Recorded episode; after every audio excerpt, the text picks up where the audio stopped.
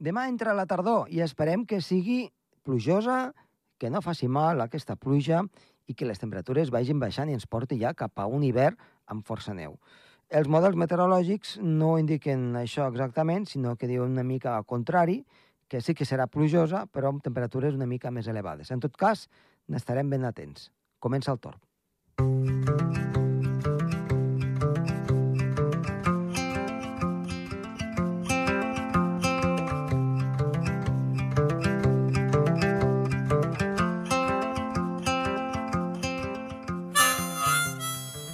Doncs en el programa d'avui tenim en Gerard Tauler, que ens parlarà una mica de com ha anat l'estiu, les altes temperatures, les onades de calor i, per tant, la situació meteorològica que s'ha viscut al llarg d'aquests darrers mesos.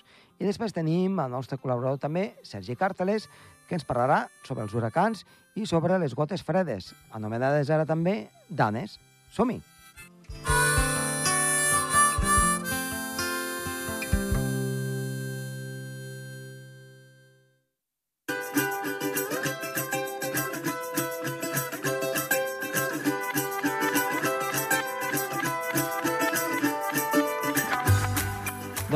iniciem el programa amb el nostre amic i col·laborador, en Gerard Tauler. Gerard, molt bona tarda. Hola, molt bona tarda, Josep Tomàs. I moltes gràcies per estar una vegada més, una temporada més, aquí amb nosaltres, al programa Tor. I què millor que començar uh, parlant amb tu del que està d'aquest estiu. Fes-me una valoració. Ja càlid, no ha estat tan càlid com l'any passat. No ha estat tan càlid. No ha estat tan, tan persistent. Mira, eh, jo et diré... O tercer estiu més càlid, Sí, depenent de l'observatori, però no, no ha estat l'estiu més càlid com va ser l'any passat. mira, doncs jo, Aquí Girona i altres indrets de- d'aquí a Catalunya. jo t'anava a dir, home, eh, tens raó en quant a persistent, perquè l'any passat, ja des del mes de maig, va fer molta calor, fins a octubre, eh, però juliol i agost, déu nhi hem tingut onades de calor, fins i tot aquí a Sí, sí, Andorra, eh? tingut ganes de calor, però que l'any passat vam tenir 3 o 4 i aquest any eren més aviat pics, excepte la, la, la, la finals d'agost, que va ser una, una calor molt intensa, fins i tot més intensa que la, la del juny de l'any passat. Uh, Explica'ns una mica aquesta darrera onada de calor, amb aquests valors de temperatures que...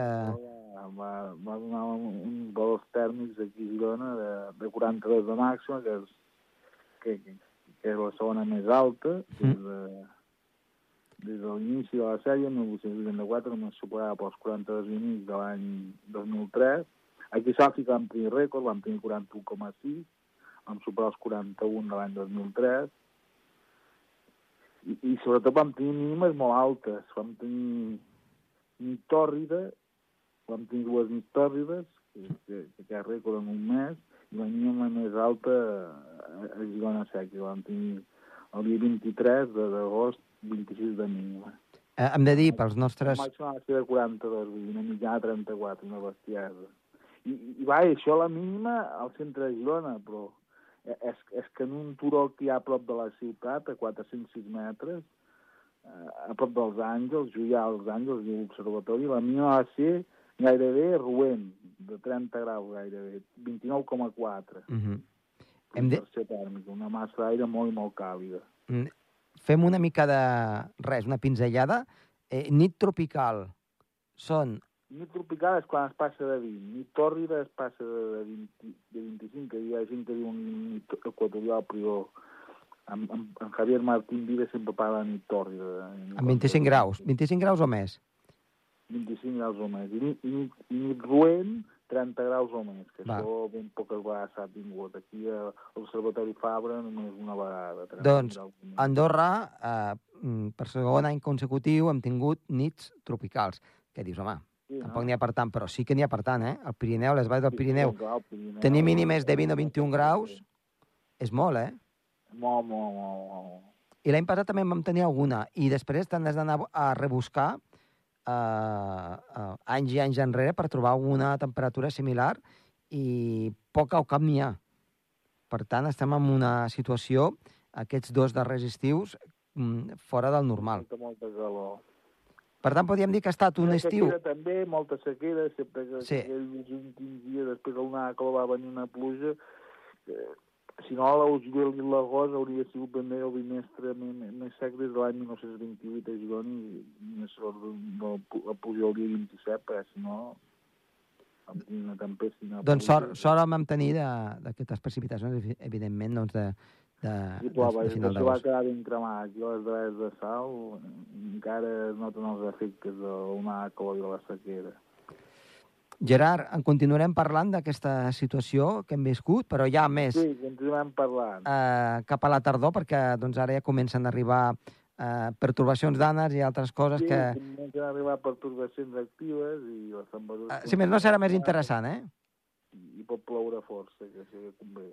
Molt bé, Gerard, fins a propera, Vinga, moltes gràcies. gràcies. Adéu-siau. Tomàs. Adéu. Adéu.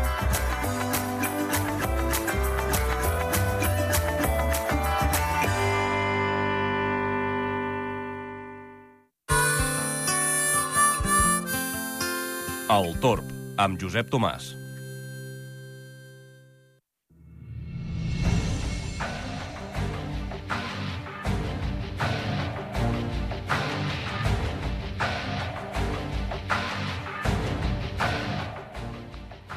I tenim amb nosaltres de nou en Sergi Carcelés, molt contents de, de nou de, per aquesta nova temporada que ens portarà, com sempre, doncs, eh, temàtiques sobre meteorologia i el clima.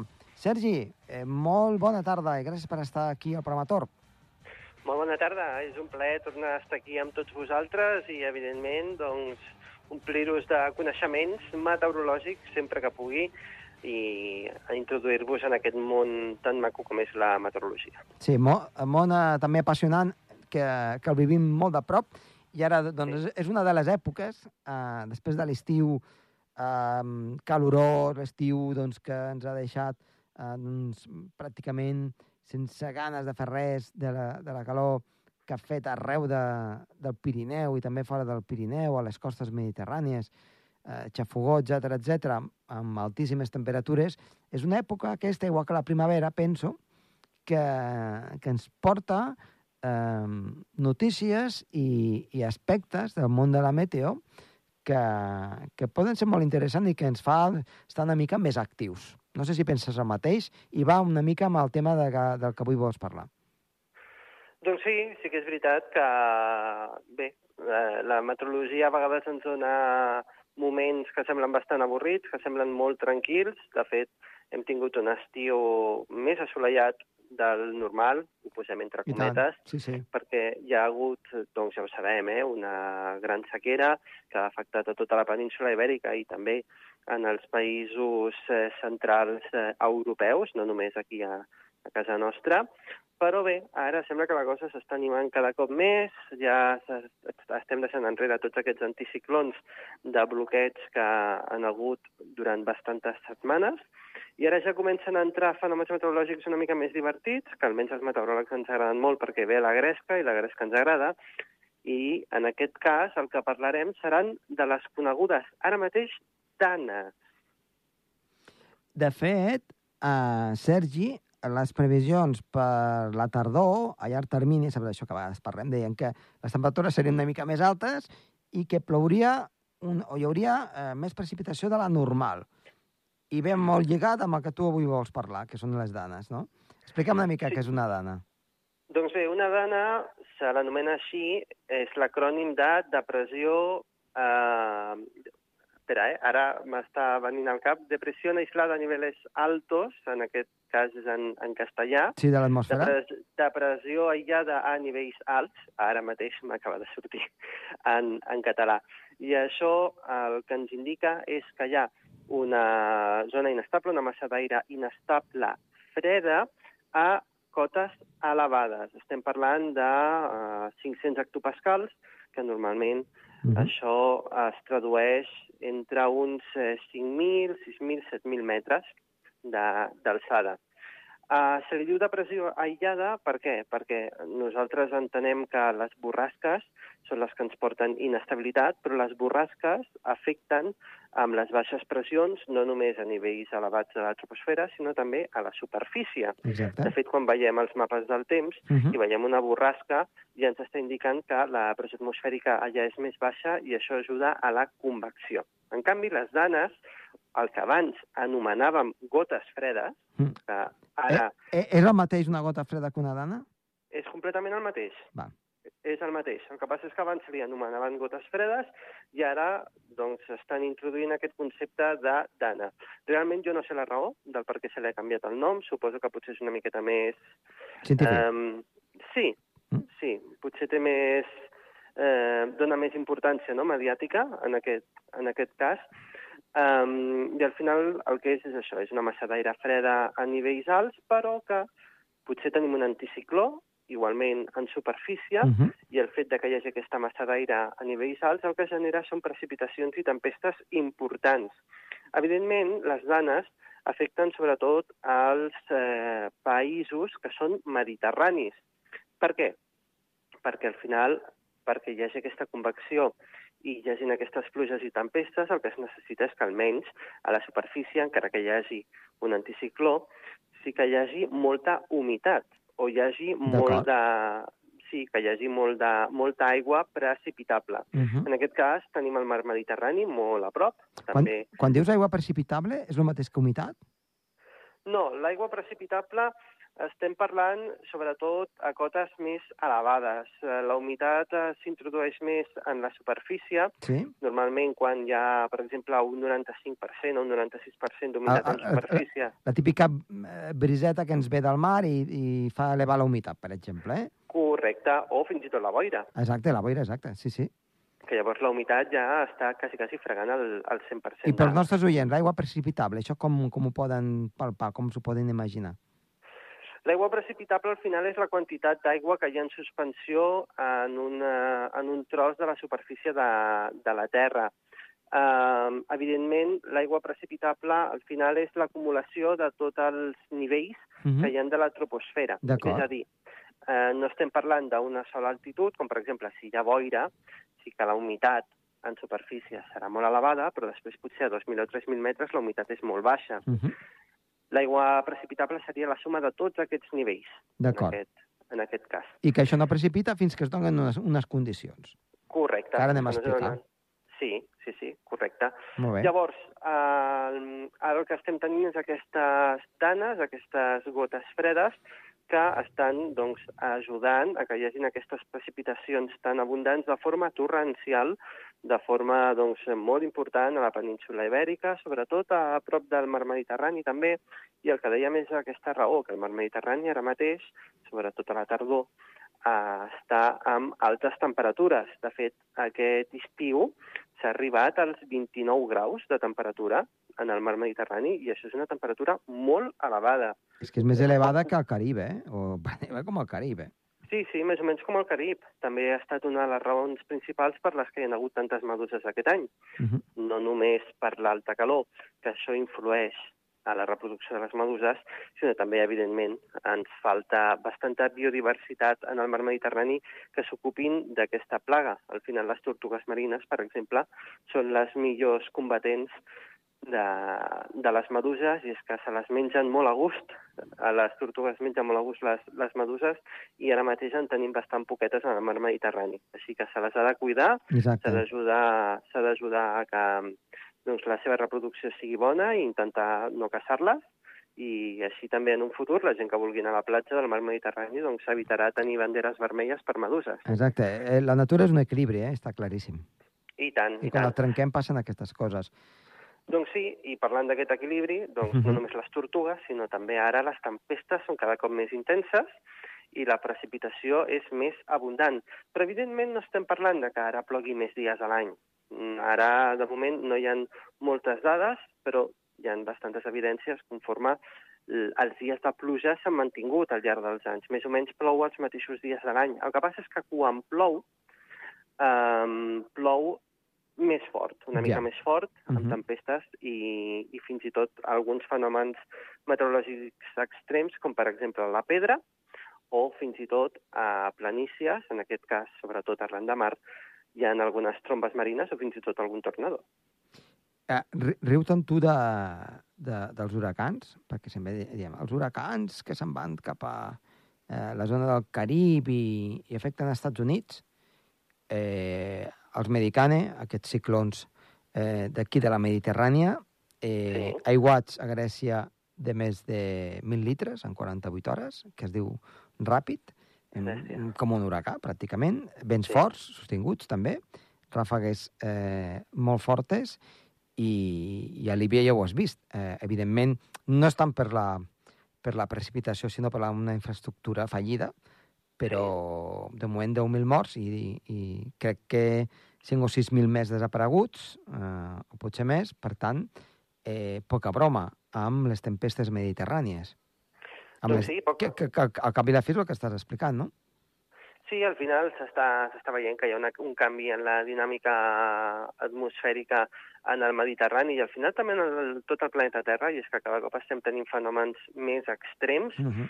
I bé, justament del que tu parlaves dels huracans, que sí, que aquí els medicans doncs, són bastant forts, bastant importants i poca broma, uh, bé, de moment, per sort, i diguem-ho entre cometes, el tema dels huracans eh, ens queda una mica lluny uh, aquí, perquè, clar, aquí potser tenim un medicà cada any Però o escolta'm, cada dos anys. A, a, a, a veure, perdona que et contradeixi ara, eh? Digue'm. una mica, fem aquí una mica de, de, de batalla aquí. Um, jo no sé si prefereix un huracà o, o què està passant a la Mediterrània, que et ven a tempesta, et deixa 200 litres i t'ho destrossa tot. Sí que a nivell global afecta molt més un huracà, és evident, però la repercussió final eh, no és poca, eh? perquè el que està passant a la conca mediterrània eh, no està passant a, ni als Estats Units ni, de moment, a, a la zona del Carib.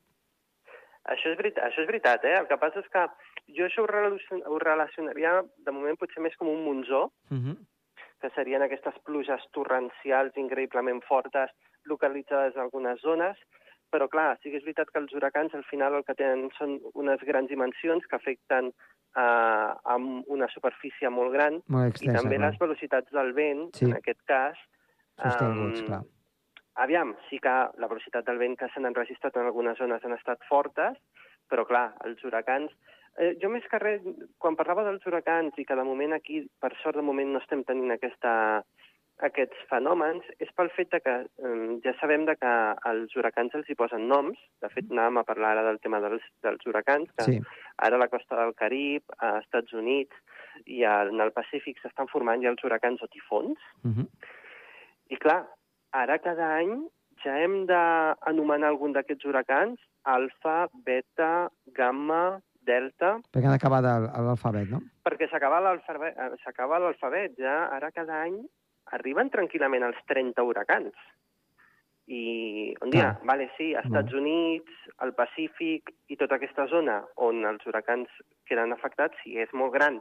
No és com Andorra, no és com la península ibèrica, tampoc. És molt més gran. Però, hòstia, estem parlant de 30 fenòmens d'aquestes característiques a l'any. Sí. Quan aquí, de moment, i ho torno a dir, per sort, entre cometes, només ho tenim un cop a l'any, Entenc la teva analogia, eh, ara, amb el que m'estàs sent. me, més o menys, no? Jo crec que Sí, sí, sí, sí, has entès perfectament. que, que s'entén. I, mm, però bé, ja veurem també com evolucionen. I ara que estàvem parlant dels huracans, doncs eh, justament això, també, ara dir que eh, ens estem aproximant a l'època dels huracans, Uh -huh. ara estem començant a arribar al seu pic esplendorós. Per què? Perquè en l'hemisferi nord ara ja hem arribat al màxim de temperatures, el ma els mars i els oceans estan en el seu moment més càlid també, i això ajudarà doncs, ara amb la baixada de temperatures que començarà a haver doncs, per la dinàmica de la Terra, evidentment. Ara ja, mica en mica, es comença a aproximar l'estiu en l'hemisferi sud, aquí cada cop farà més fred, i al tenir el mar tan càlid, propiciarà que ara les, els ruixats i les tempestes, els huracans i tots aquests fenòmens es generin molt més fàcilment per la diferència de temperatura que hi haurà a la superfície i, com dèiem abans, de les danes o les gotes fredes a cotes elevades de la troposfera. Recordem que quanta més diferència hi ha entre superfície i a la tropopausa, més facilitat ha de formacions de tempestes i tots aquests fenòmens. Uh -huh. I l'evolució quina creus que pot ser els propers anys? És incert, al final és, mm, és perillós no? endinsar-se amb aquestes prediccions, però bé, de moment les coses tendeixen cap a una direcció, que és que cada cop hi haurà més fenòmens d'aquestes característiques Uh, ara t'estic parlant de la península ibèrica, Sí. estic parlant d'Andorra, del sud de França, etc. Cada cop hi ha més tendència de que tindrem aquests fenòmens més sovint.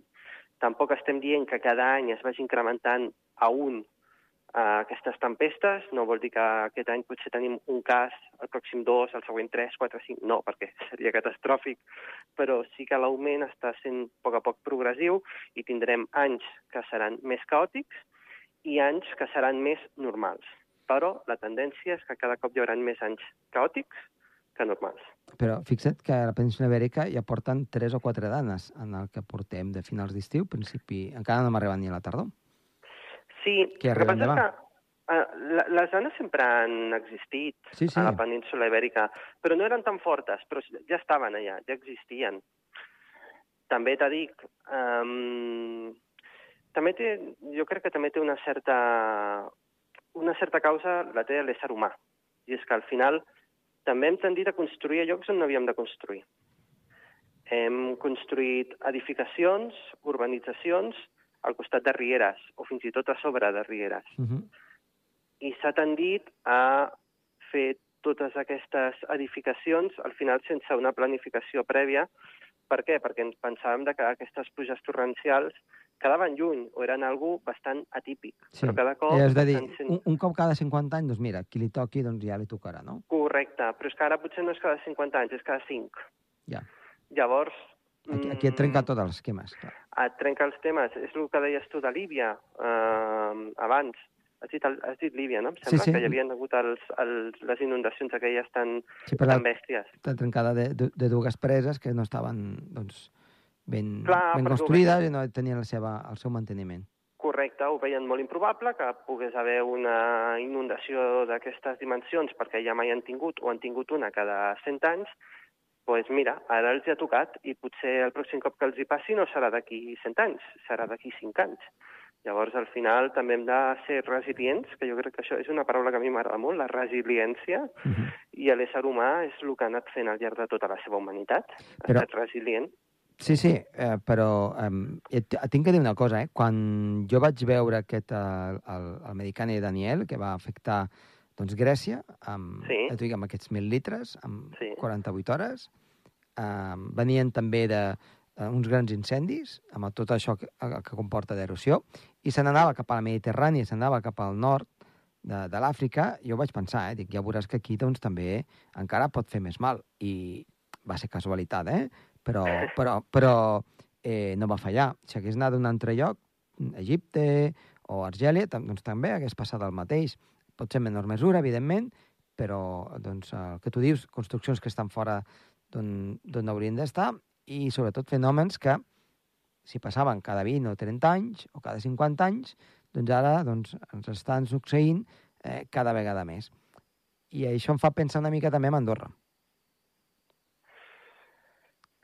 Sí, el que passa és que Andorra... mm, No amb aquesta situació, perquè ja saps que les, les danes aquí doncs, eh, afecten de manera diferent, Sí, però arriben més eh, desgastades. Sí, però mira, mira Toledo, eh, mira també doncs, el Cantàbric, eh, País Basc, eh, mira també tot el que és el sud de França. Eh, Sí. Una gran tempesta te la pot fer, et pot passar per damunt en qualsevol moment, eh? Jo crec, jo crec que Andorra, sobretot el que ha d'estar preparat en aquest cas, eh, parlant de les nanes, ha d'estar preparat sobretot amb la canalització de l'aigua. Jo Mm. crec que és molt important que Andorra estigui preparada que si hi ha una gran tempesta bastant recurrent a, en el Pirineu, que potser t'està plovent de forma bastant bèstia durant sis hores, siguin capaços les, les canalitzacions que hi ha a les grans ciutats i al final també el riu Valira, i bé, tots, tots els rius així més grans de, del Principat, que siguin capaços de- d'aguantar aquesta embestida de l'aigua i al final doncs, eh, evitar no? Aquests, aquestes inundacions que podrien haver. Jo crec que aquest és el, el risc principal que pot tenir Andorra en, en aquest sentit. Doncs Sergi, moltes gràcies per les teves paraules, per haver-nos eh, fet veure una miqueta que és una dana, que és un, un huracà, i per Mhm. estar una mica alerta ara, durant aquesta tardor, que és el que pot passar i en continuem parlant. Moltes gràcies Molt i, i fins la propera. Que vagi bé! Adéu-siau.